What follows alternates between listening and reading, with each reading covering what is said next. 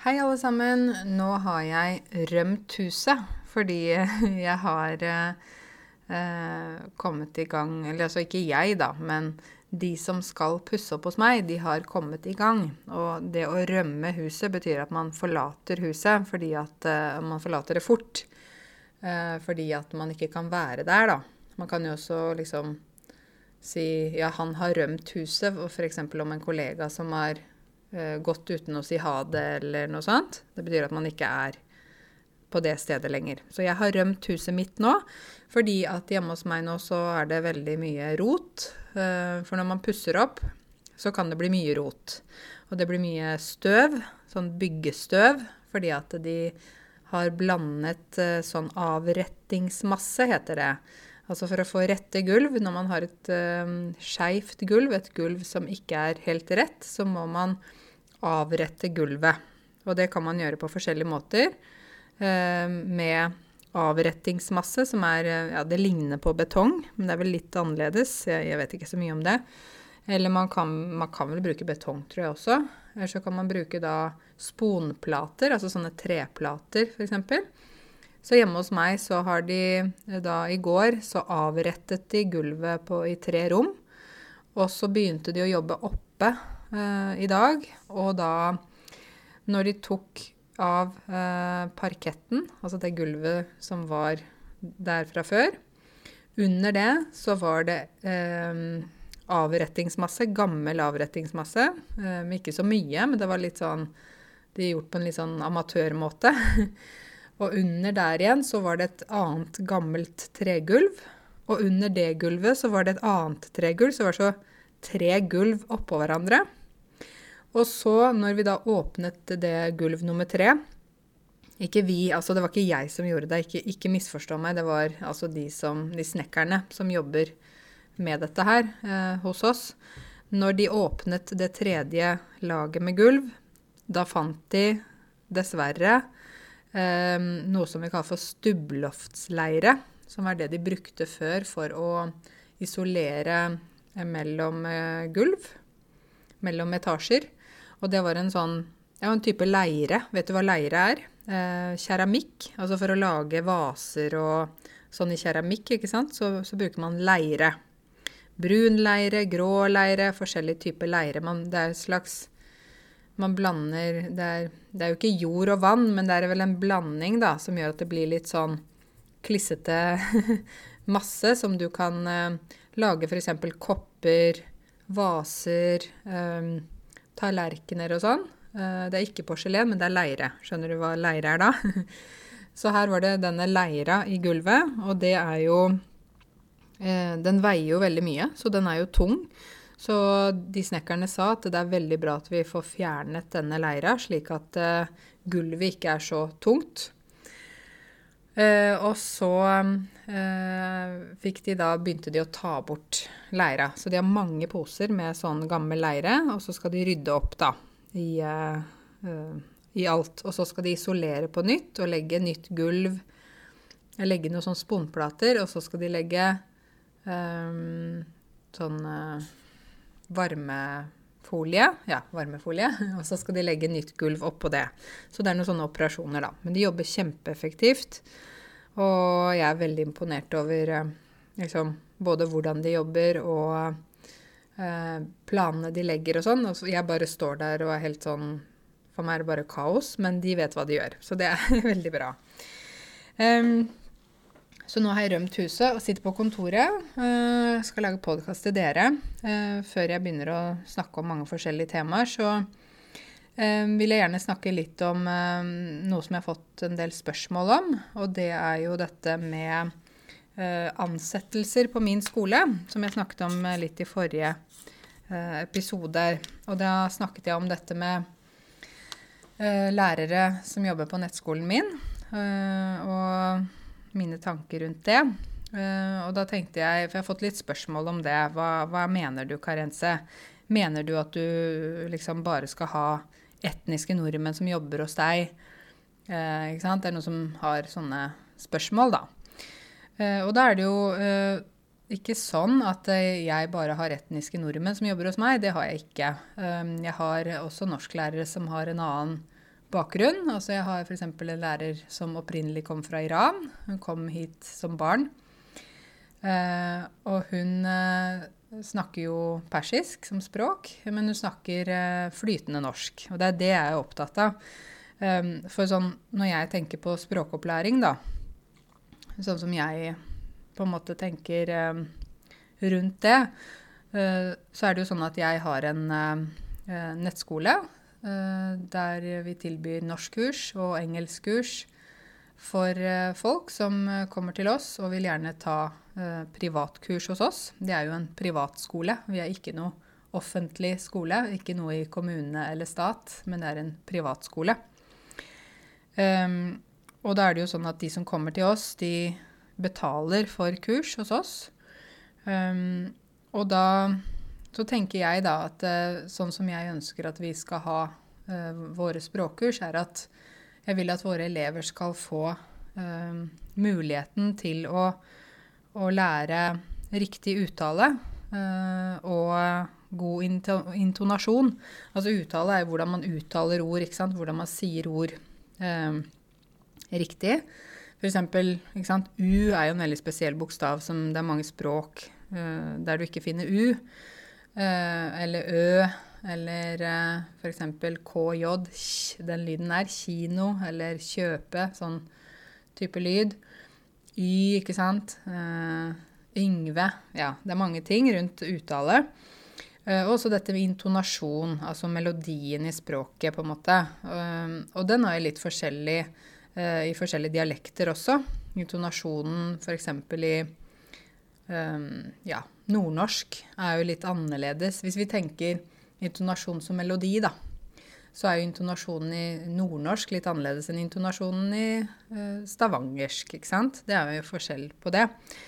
Men jeg tenker at de elevene som kommer til vår skole, som um, betaler for kurs selv, og kommer til vår privatskole og vil lære seg norsk, de skal få muligheten til å få eh, lære norsk eh, med en lærer som har riktig uttale, og som har riktig intonasjon. Eh, vi har jo lærere med forskjellige dialekter, men at de har riktig intonasjon eh, i forhold til den dialekten de har. Og da er det jo ikke sånn at jeg må ha nordmenn, altså etnisk norske lærere. Men jeg ønsker å ha lærere som snakker flytende norsk. Så vi har f.eks. en lærer som opprinnelig er fra Ungarn, og hun kom hit som voksen. Uh, men hun snakker uh, flytende norsk, og du, du, kan ikke høre at hun har ungarsk som morsmål. Altså hun snakker utrolig godt, og, og hun er en veldig dyktig lærer. Um, sånn at jeg tror kanskje noen da, de som spurte meg da om dette her, hva mener du, Karense? Er det sånn du bare skal ha nordmenn, og du skal ikke ha noen innvandrere som jobber hos deg? Det var noen som spurte meg om det, da. Og da er det jo sånn Nei, det er jo ikke sånn at jeg ikke skal ha innvandrere som jobber hos meg. Eh, tvert imot. Men jeg er opptatt av at de som er lærere på skolen vår, eh, snakker flytende norsk. Og f.eks. den læreren vår fra som opprinnelig er fra Ungarn. Hun, hun, er jo ikke etnisk norsk, men hun snakker utrolig godt. Eh, og det vil jo da påvirke hvordan den, de elevene hun har, eh, lærer. ikke sant? Altså, hvis hun snakker helt riktig norsk, så vil jo også elevene lære å snakke riktig norsk. Um, og særlig elever som har et godt språkøre, som gjerne kopierer det de hører. så tenker jeg at i hvert fall på vår skole, da. Det er forskjellig fra skole til skole og voksenopplæring til voksenopplæring. Men min filosofi rundt dette med språkopplæring er at for å lære eh, på en måte å snakke veldig godt da, og snakke riktig og ha riktig uttale og riktig intonasjon, så mener jeg at man må lære det av noen som eh, snakker eh, riktig. Og har riktig uttale og har riktig intonasjon. Um, og på en måte kan språket. Um, så det er jo det jeg mener, da, hvis det er noen som lurte på, på det. Um, og altså man kan jo velge uh, Som privatelev så kan man jo velge hvilken skole man går til, og det er jo forskjellig. det fins jo lærere som ikke har norsk som morsmål, som underviser i norsk uh, uh, på forskjellige nivåer og sånn, og det, det er jo helt OK, det. Og, og lærerne som er hos meg, eh, underviser også på forskjellige nivåer. Og som sagt så har vi jo da noen lærere som ikke har norsk som morsmål, men de snakker flytende norsk. Og da er jeg fornøyd, for da tenker jeg at da, de, da er de elevene i trygge hender i forhold til at de kommer til å lære fra noen som snakker eh, med riktig uttale, har riktig uttale og riktig intonasjon. Det er det jeg er opptatt av. Så den læreren min som opprinnelig kom fra Iran, hun, hun snakker jo persisk hjemme og, og uh, snakker egentlig ja, begge språkene flytende. da, Snakker flytende norsk og snakker flytende persisk. Og det tenker jeg er en styrke, uh, at hun kan flere språk. Det er jo en styrke når man som språklærer kan flere språk. Jeg bare tenker at I hvert fall sånn som jeg tenker på skolen min, da, så vil jeg at eh, de lærerne som da skal lære bort norsk, de må snakke flytende norsk. Det er det jeg tenker. Og så tenker jeg at det er en styrke hvis de kan andre språk, slik at hvis de har elever som snakker et annet språk, ikke sant, og litt, uh, står litt fast, da, har noen problemer med f.eks. For uh, ikke forstår noen ord eller trenger mer forklaring, så er det jo en styrke hvis det er lærere som lærer bort norsk, og som i tillegg kan forklare ting på et annet språk. Det er jo bare en styrke. Det syns jeg er kjempebra. Um, og det er jo det er litt sånn, tenker jeg, i den private sektoren. Da. Vi snakker om offentlig og privat sektor, ikke sant. Der offentlig er på en måte det vi Det, det kommer jo fra De er finansiert av våre skattepenger og avgiftene og sånne ting. Eh, og så har vi da privat sektor som ikke er finansiert av staten.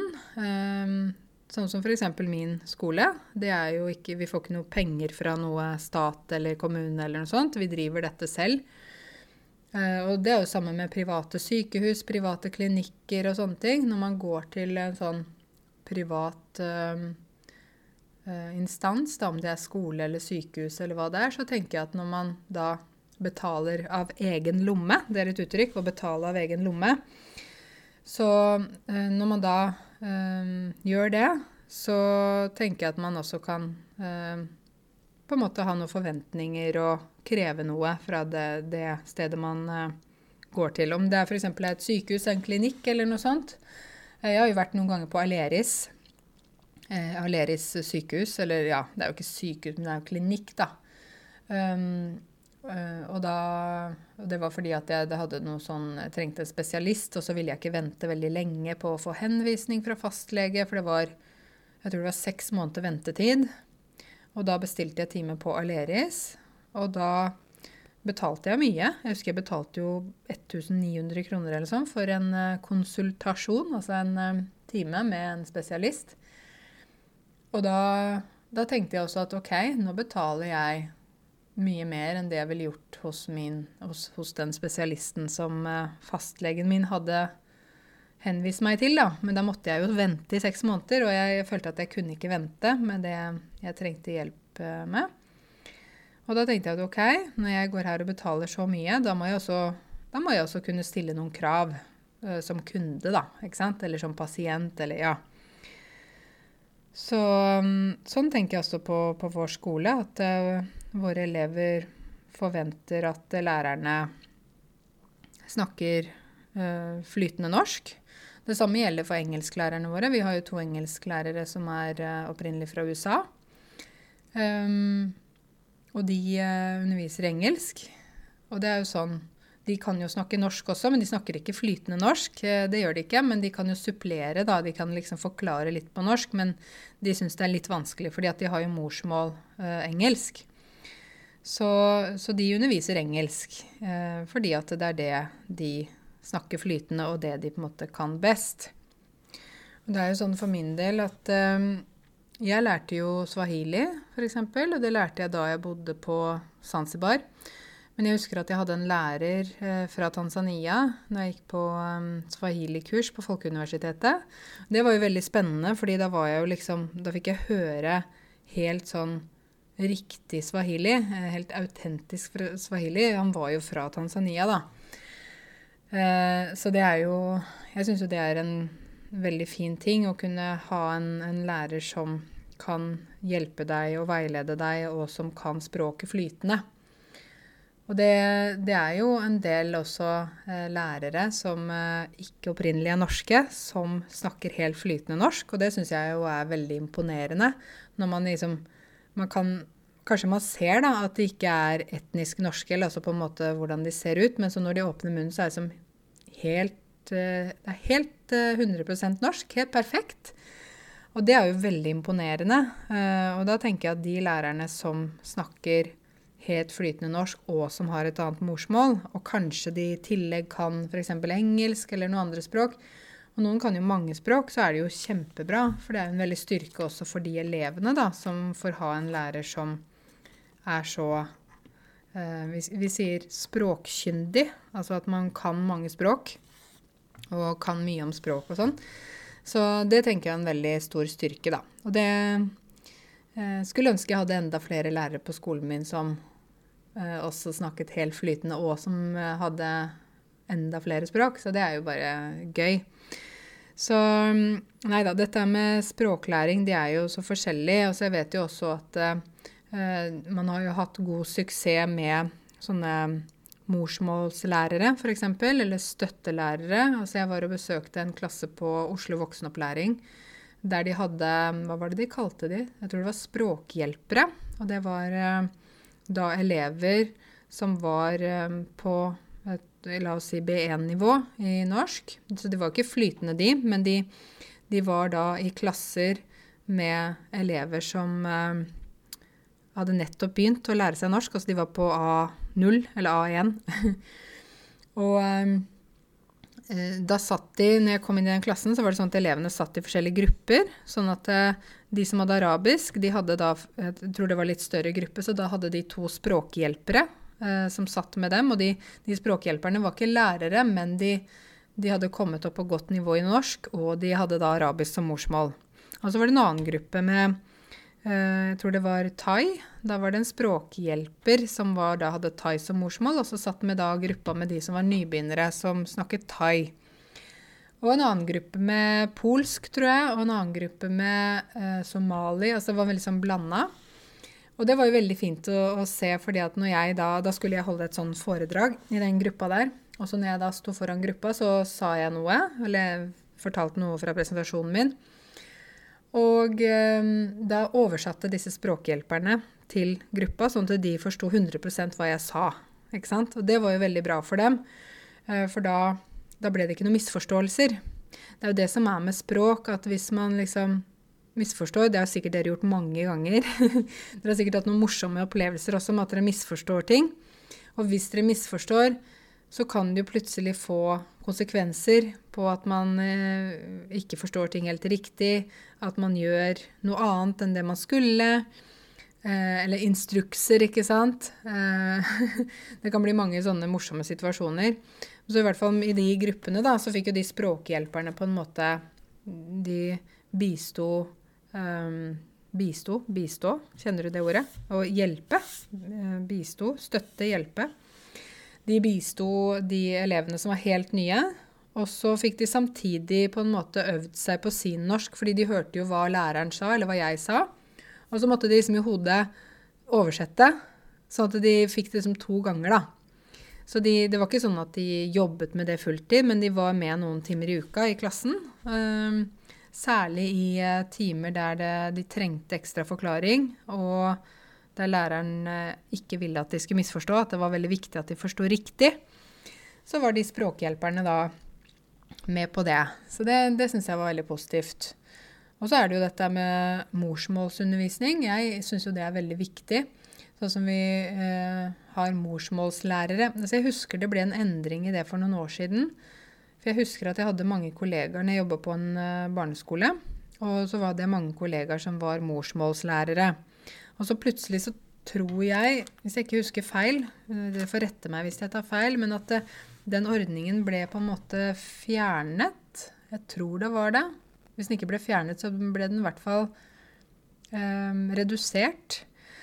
Og, og da var det jo uh, sånn at de barna som hadde et annet morsmål, de hadde rett på en lærer eh, som snakket det eh, morsmålet de hadde. Og da hadde de da timer etter klassen var over. så hadde de time med sin morsmålslærer på morsmål for å lære morsmål. Og det tenker jeg jo er kjempebra. Hvis man får mulighet til det. For det, hvis barna også kan lære litt sånn, ikke bare hjemme, men også lære litt med, med en lærer, da, ikke sant? så får de styrka morsmålet sitt, og det er jo veldig bra. Og så har jeg jo sett de som har et annet morsmål. Eh, de har jo fått f.eks. fritak fra uh, nynorsk. Eller de har fått fritak fra å lære et annet språk på um, Altså et sånn tredjespråk, da. Vi har jo ikke sant, norsk og engelsk, og så har vi da f.eks. på videregående så velger de et språk til. Så jeg husker jeg hadde fransk.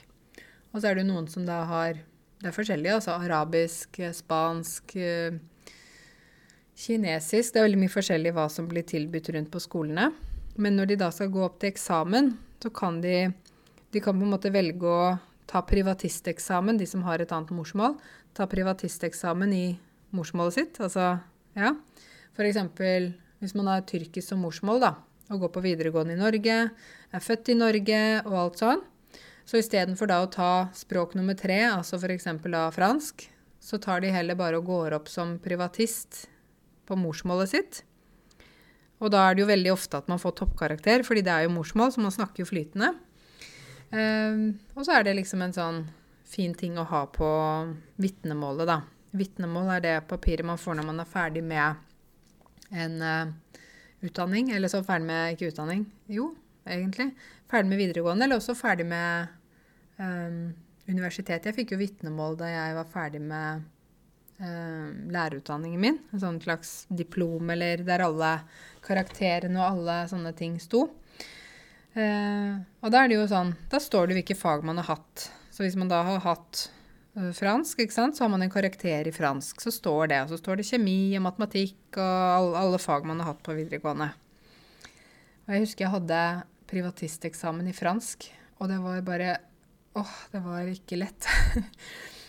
jeg hadde uh, Jeg tok av alle fag, så tok jeg kjemi. For jeg hadde tenkt å bli lege. Tenkte dere det? Stakkars pasient som hadde hatt meg som lege. Det tror jeg ikke er noe særlig. Men jeg hadde i hodet mitt at jeg skulle bli lege, fordi bestefaren min var lege, og det ville jeg.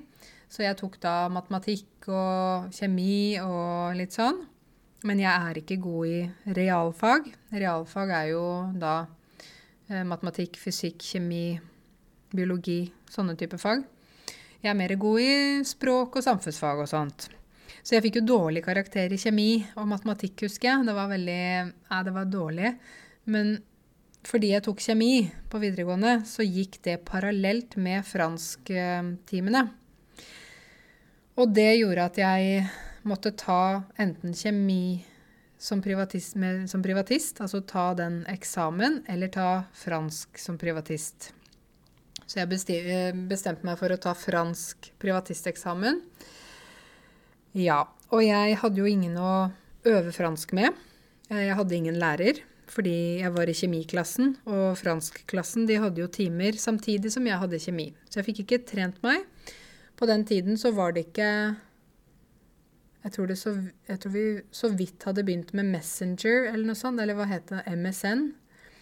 Og kanskje litt Skype. Men vi brukte ikke internett noe særlig, ikke sånn mye sånn som vi gjør nå. Vi brukte det jo litt, men ikke, ikke sånn at vi kan bare sjekke alt, og at vi kan logge inn på en app og lære sånn duolingo og sånn, det, det, fantes ikke. Apper fantes ikke. Så meg, da, som bodde i Åmot, skulle ta privatisteksamen i fransk. Hadde ingen å snakke fransk med. Faktisk, når jeg tenker på det, så er det jo kanskje sånn dere har det. jeg skal ta muntlig eksamen i norsk og har ingen å snakke norsk med. Um, jeg hørte jo litt på fransk musikk for å prøve å lære litt. Og så så jeg på noen franske serier. Men ellers så var det ikke mange muligheter for meg til å øve, da. Og til å snakke med noen.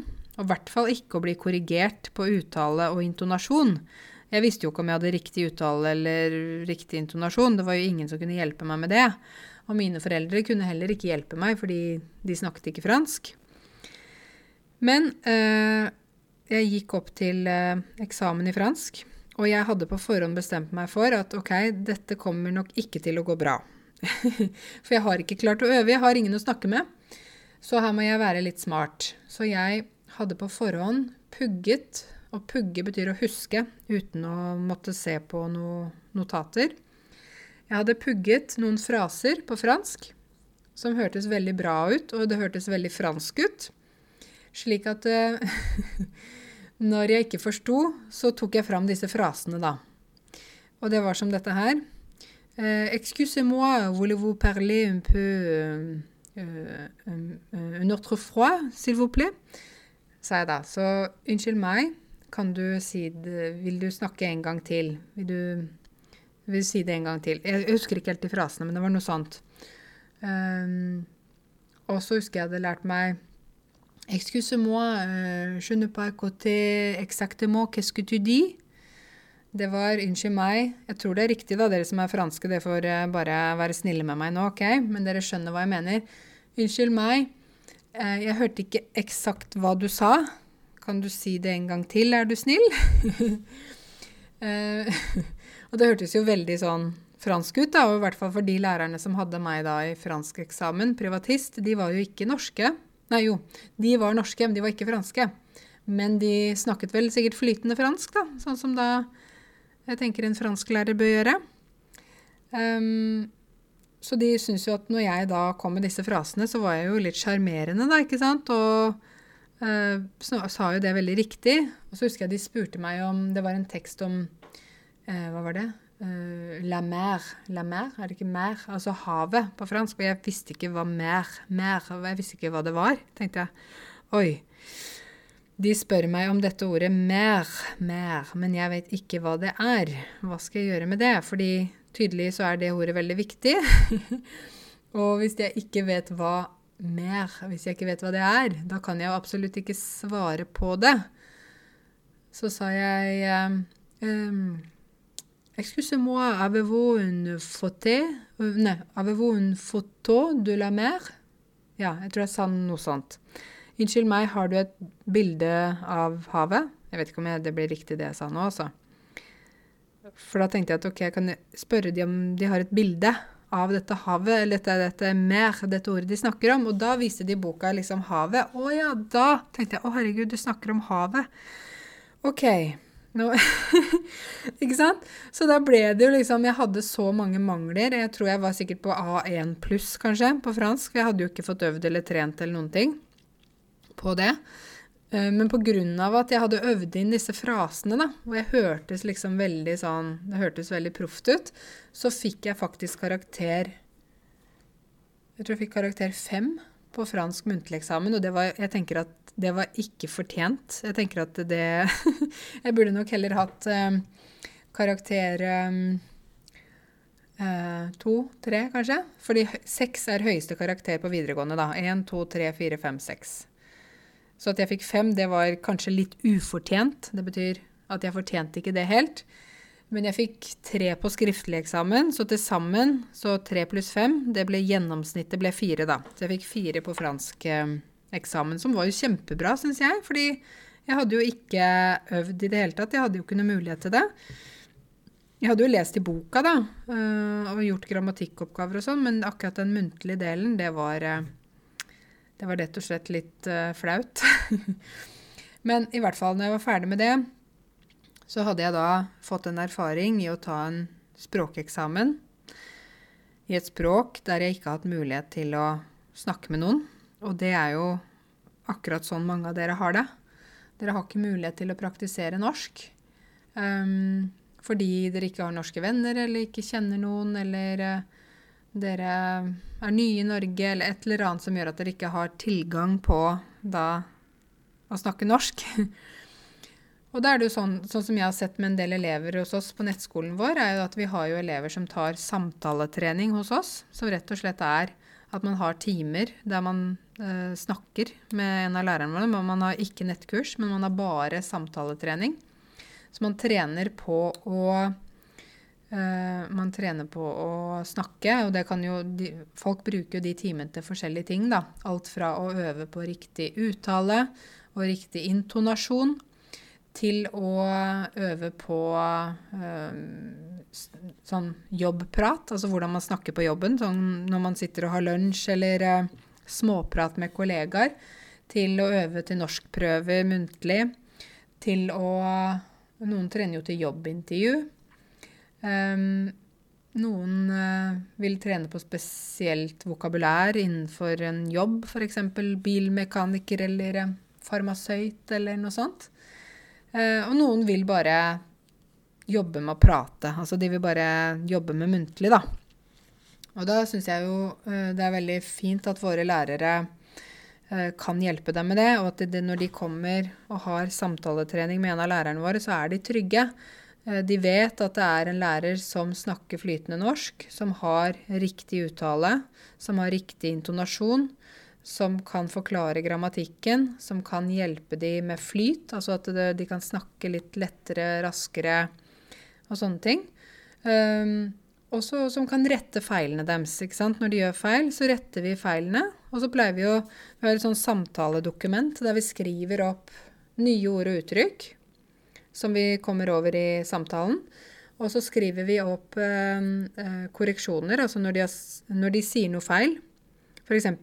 hvis noen sier 'jeg ikke har tid til å gå på norskkurs'. Så kan jeg si Eh, ja, jeg har ikke tid til å gå på norskkurs. Og da må den eleven repetere etter meg. Jeg har ikke tid til å gå på norskkurs. Og så tar jeg og skriver opp den frasen, den setningen som var feil, skriver jeg opp. Jeg ikke har tid til å gå på norskkurs, skriver jeg. Og så mot slutten av timen, når vi begynner å bli ferdig, dette er sånn som lærerne våre jobber, da, da uh, viser jeg skjermen min, viser det jeg har skrevet, og da står jo det som var feil, det står jo der. Og da skal eleven sammen med læreren prøve å tenke på hva var, det, hva var det læreren korrigerte, hva var det som var feil, og så da prøve å rette opp seg selv. For det er jo en veldig god læring når man begynner å korrigere seg selv og begynner å bli veldig bevisst på man, eh, liksom, hvilke feil man gjør og sånn. Da, eh, da, begynner man å komme opp på et høyt nivå. For da blir man sånn Oi, nei, da tror jeg jeg gjorde en feil. Og så retter man seg selv. Så det gjør vi. Og så tar vi også ord der eleven eh, ikke har riktig uttale. F.eks. hvis det er en elev som strever med U, U-lyden. Så i løpet av en samtale så, så, kommer vi jo innom mange ord med U. F.eks.: Ja, har du eh, hytte? Eh, jeg gikk ut på tur. Og hvis eleven sier da 'har du hytte', 'jeg gikk ut på tur', da retter vi. Jeg gikk ut på tur. Og så skriver vi opp de ordene som eleven strever med, som de da ikke uttaler riktig. Og så tar vi de på slutten av timen. Da sier jeg OK, nå skal vi ta alle ordene med U som du har sagt i denne timen, og så skal vi uttale de riktig sammen. Da begynner jeg. Da sier jeg du, og du repeterer du. Ut, ut. Hvis eleven fortsatt sier ot, så kan jeg ta litt sånn på eh, på en måte sånn eh, logopedi, altså snakke om hvordan man lager den lyden i munnen. Ikke sant? For hvis, det, ikke, det, holder ikke at jeg sier ut, og du skal si ut. Noen sier da jeg sier ut, og den sier ot. Ut, ot. Ut, ot. Nei, da må jeg fortelle hvor skal tunga være? Hvor skal leppene være? Hvordan skal, skal jeg eh, lage den lyden i munnen min? F.eks. lyden NG, mange. Det er veldig mange som sier da mange mange, fordi de klarer ikke å si NG-lyd. Det er en nasal lyd. Og da pleier jeg f.eks. å vise at jeg holder på nesa mi. Hvis du gjør det, hvis du holder oppå nesa di og klemmer litt Mange. Da kjenner du at det vibrerer i nesa. Mange. Og da eh, begynner du etter hvert å forstå hva er det som skjer, hvordan lager du lyden, hvordan skal du få det til, og hva må du trene på. Så sånn jobber vi når vi har samtaletrening med elevene våre. Eh, og de har veldig god nytte av det, fordi de har jo da en lærer sånn én-til-én, privatundervisning, der de sitter og snakker sammen, de to. Um, for jeg har jo også en annen uh, tanke om dette med opplæring i språk på nett når det gjelder grupper. Uh, for jeg syns at det, er grunnen til at vi bare har privatundervisning på skolen vår, er fordi at eh, da får man liksom muligheten til å snakke så mye som mulig. Hvis man er i en stor gruppe, da, da blir det mer en forelesning. ikke sant? At læreren forteller om ting, men at man får ikke mulighet til å snakke så mye. Fordi at eh, la oss si det er 20 stykker i gruppa, og man skal ha 45 minutter, så får kanskje hver person bare to minutter til å snakke. ikke sant? Jeg vet jo at det er de lærerne som også bruker sånn Zoom, og så bruker de breakout rooms, der de sender eleven til sånne grupper, så de skal snakke litt, og så sender de tilbake til det store rommet der alle snakker sammen igjen. Og det, det kan jo fungere. Men vi har da basert oss på den modellen med privatundervisning, da. For da får man fullt fokus. Det er ganske intenst, og mange blir slitne etter en sånn time, for det er liksom én time norsk med en norsklærer som sitter og vurderer deg og hjelper deg og retter på uttalen din og retter på intonasjonen din og lærer deg nye ord og uttrykk. Så én time er ofte nok. Da er man ganske sliten i hodet. Eh, men da har man jobba bra også, da. Eh, så det er en modell som jeg syns fungerer. Men det er jo selvfølgelig forskjellig fra um, sted til sted, skole til skole, hvordan de gjør det. Men jeg, hos meg så gjør vi det sånn, da. Så jeg vil jo bare si at det til de som liksom da hadde spørsmål da om men Karense, hvordan er det du tenker når du Hvorfor sier du at du bare skal ha norske lærere og sånn? Jeg fikk jo noen spørsmål om det. når jeg jeg håper jo at de som lurte på det, og som ble veldig i tvil og ble kanskje litt uh, Følte at det liksom Nei, dette blir jo feil. Du kan ikke gjøre Du kan ikke si sånn karense. Og du må jo også ansette folk av forskjellig bakgrunn og sånn. Uh, så jeg håper jo at de, de av dere da, som lurte på det, som har hørt på denne podkasten nå, forstår tanken bak det jeg sier. At eh, det går rett og slett på det tekniske i språket. Det handler ikke om bak nasjonalitet, men det handler om hvordan du snakker som lærer, da. Og at jeg tenker at en språklærer mener jeg bør snakke flytende i det språket de skal lære bort. Og særlig når man kommer opp på høyere nivå, men jeg tenker fra dag én, fordi det handler nå om å få inn fra starten riktig uttale, riktig intonasjon, ikke sant. Uh, kunne hjelpe elevene, kunne korrigere de hvis de uttaler feil, uh, og sånn. Så det er ikke noe sånn diskriminering eller noe sånt av lærere, men det er rett og slett at jeg eh, tenker på det språket, da. At det tekniske rundt språket. Det er viktig for meg at, at det blir klarhet i det. Um, så jeg, for eksempel, vi har jo uh, noen nordmenn som tar engelskkurs hos oss. Og da tar jo de engelskkurs hos de lærerne som snakker flytende engelsk, og som hjelper de med engelsken. For vi nordmenn, vi snakker jo ikke flytende engelsk. Mange av oss snakker jo ikke Har jo ikke super uttale eller eh, super intonasjon. Hvis jeg skal snakke litt sånn norsk-engelsk nå, da. Nå, nå, overdriver jeg, da. Dette er jo litt sånn nå satt på spissen.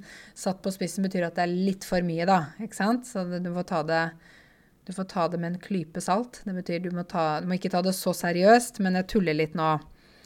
Um, hello, my name is Karense. I am a, Norwegian teacher and I live in Oslo. Uh, I um, like to uh, make videos about Norwegian language and uh, grammar. And I have a school um, that uh, in this school we uh, teach uh, Norwegian and English to other people who want to learn the language. And now I'm speaking Norwegian uh, English, Norwegian English. I'm speaking English with a very Norwegian accent. And um, it is quite funny because our uh, intonation in Norwegian is a little bit up and down. OK, det holder. Hørte dere det nå? Det ble sånn engelsk med norsk uh, aksent, da. Ja, eh, det var litt overdrevent, men, men jeg har jo hørt nordmenn som snakker sånn. Um, vi har jo en kjent rallykjører som kjører sånn rally. Han heter Petter Solberg. Han er veldig kjent for å snakke sånn. og så har vi jo vår tidligere uh, Vi har uh, Hva heter han da? Ja, tidligere statsminister Torbjørn Jagland fra Arbeiderpartiet. Han snakka sånn. så det er Det blir jo veldig Man hører det jo veldig godt, da. At oi, her var det litt rar aksent, du. Så Nei da. Dette med språk og aksent og alt mulig, det er viktig uh, å ha fokus på. Jeg tenker jo det er også viktig å bli forstått. ikke sant? Sånn at uh, Når jeg snakker fransk, så snakker jo ikke jeg perfekt, og jeg har masse feil. Men hvis jeg er i Frankrike, eh, så kan jeg i hvert fall overleve med min eh, fransk, min amputerte fransk, fordi jeg kan prøve å fortelle noe hva jeg mener eller hva jeg ønsker, da. Eh, og kanskje de forstår det jeg mener. Eh, kanskje de, de misforstår også det jeg prøver å si, fordi jeg ikke snakker riktig, men eh, ja, i hvert fall. Eh, å fortelle helt til sist, da, litt morsomt. Eh, det var om swahili, siden denne podkasten her handla mye om språk. Jeg kan jo snakke swahili på ganske bra nivå. Og bodde på Zanzibar eh, i et år. Det er utenfor Tanzania, en øy. Og så Swahili er jo ganske, ganske lett å lære seg, men det er jo noen lyder som er vanskelig for meg som norsk. Jeg måtte bare drikke litt her. Jeg snakka så mye. Um, og så var det var en dag på markedet. Og markedet er jo sånn, ikke sant, det er frukt og grønnsaker og sånne type ting. Og så var det så varmt. Og så var jeg så tørst. Uh, og så Så uh, var jeg sammen med noen fra Zanzibar, da, ikke sant, som vi var på markedet sammen. Og så skulle jeg si 'Jeg skal drikke. Jeg skal drikke vann'. Og jeg sa høyt, fordi at jeg var så tørst, så sa jeg um, Hva sa jeg nå? Uh, ja. Nitakunya maji. Og dere som snakker swahili, dere hørte hva jeg sa nå. Nitakunya maji. Det betyr jeg skal det blir stygt å si det. Jeg skal drite vann. Drite eller bæsje.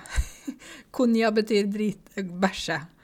Så jeg sa høyt på et marked med mange mennesker. Jeg ropte ut 'Jeg skal bæsje vann'. Eh, eh, mange folk så på meg med store øyne, ble ganske skremt uh, for hva, hva, jeg sa. Um, og jeg forsto ikke hvorfor folk reagerte så veldig. Fordi ordet 'drikke' på swahili, da hadde jeg feil uttale, ikke sant? Fordi jeg hadde ikke klart å lære meg det ordet 'drikke' og uttale det riktig. Så jeg sa 'kunya'. Uh, men det jeg skulle sagt, var 'kunyua'. Så det er en 'konjua'. Det betyr drikke. Og så gikk tiden, da, og mine venner der, de sa etter det, etter den hendelsen, så, så en dag så sa den ene vennen min Karense, du, du, snakker aldri om at du skal drikke noen ting, du. Du, du, du snakker aldri om at du skal drikke verken kaffe eller te eller vann. Er du ikke tørst? Har du ikke lyst på en kopp kaffe? Um, du bare sier aldri liksom det. Så sa jeg nei, vet du hvorfor? Det er fordi jeg er så redd for å gjøre den feilen jeg gjorde på markedet den gangen, hvor jeg sa at jeg skulle bæsje vann. Jeg vil ikke si at jeg skal bæsje kaffe eller vann igjen, så jeg tør ikke si det ordet. Så da satte vi oss ned. Og sa de OK, Karense, nå skal vi lære deg å uttale det ordet helt riktig, slik at du forts kan fortsette å snakke om ting du skal drikke, ikke bare spise. Så da satt vi og øvde uttale, husker jeg. «Kunyua, kunyua». Så neste gang jeg skulle si da, at jeg skulle drikke kaffe, så sa jeg det veldig sakte fordi jeg var så redd, ikke sant? Så jeg sa Nita kunyua kahawa. Jeg skal drikke kaffe. Og akkurat Anita Nita det gikk veldig sakte. og så lo de av meg, så sa de ja, OK, du skal drikke kaffe. Uh, ja. Så jeg sa ja, jeg skal nitakunniwa kahawa. Så etter det så begynte jeg å få litt tempo. Men virkelig, altså. En sånn feil, ikke sant? Hvor du har feil uttale. Det, det kan jo bli morsomt, det kan bli flaut. Åh, ja. Så jeg tenker det er viktig å lære riktig uttale og riktig intonasjon fra noen som virkelig kan det. Hvis ikke så går man og gjør feil, og så blir det bare feil på feil, og så blir det veldig dumt. Så ja. Dette var en podkast som handlet om språk og språkopplæring og sånn, men det er jo helt naturlig, fordi det er jo det, er jo det jeg eh, er. Jeg er språklærer. Uh, og er opptatt av det. Opptatt av språklæring. Så jeg håper at det var interessant for dere. Og så får dere kose dere i påsken. Jeg tenkte jeg skulle lage en video snart om norsk påske, så jeg får lære dere litt om det hvis dere ønsker å vite mer om det. Og så ønsker jeg dere en eh, fortsatt god uke, og takk for at dere hørte på. Og takk for at dere fortsetter å følge meg. Ha det bra!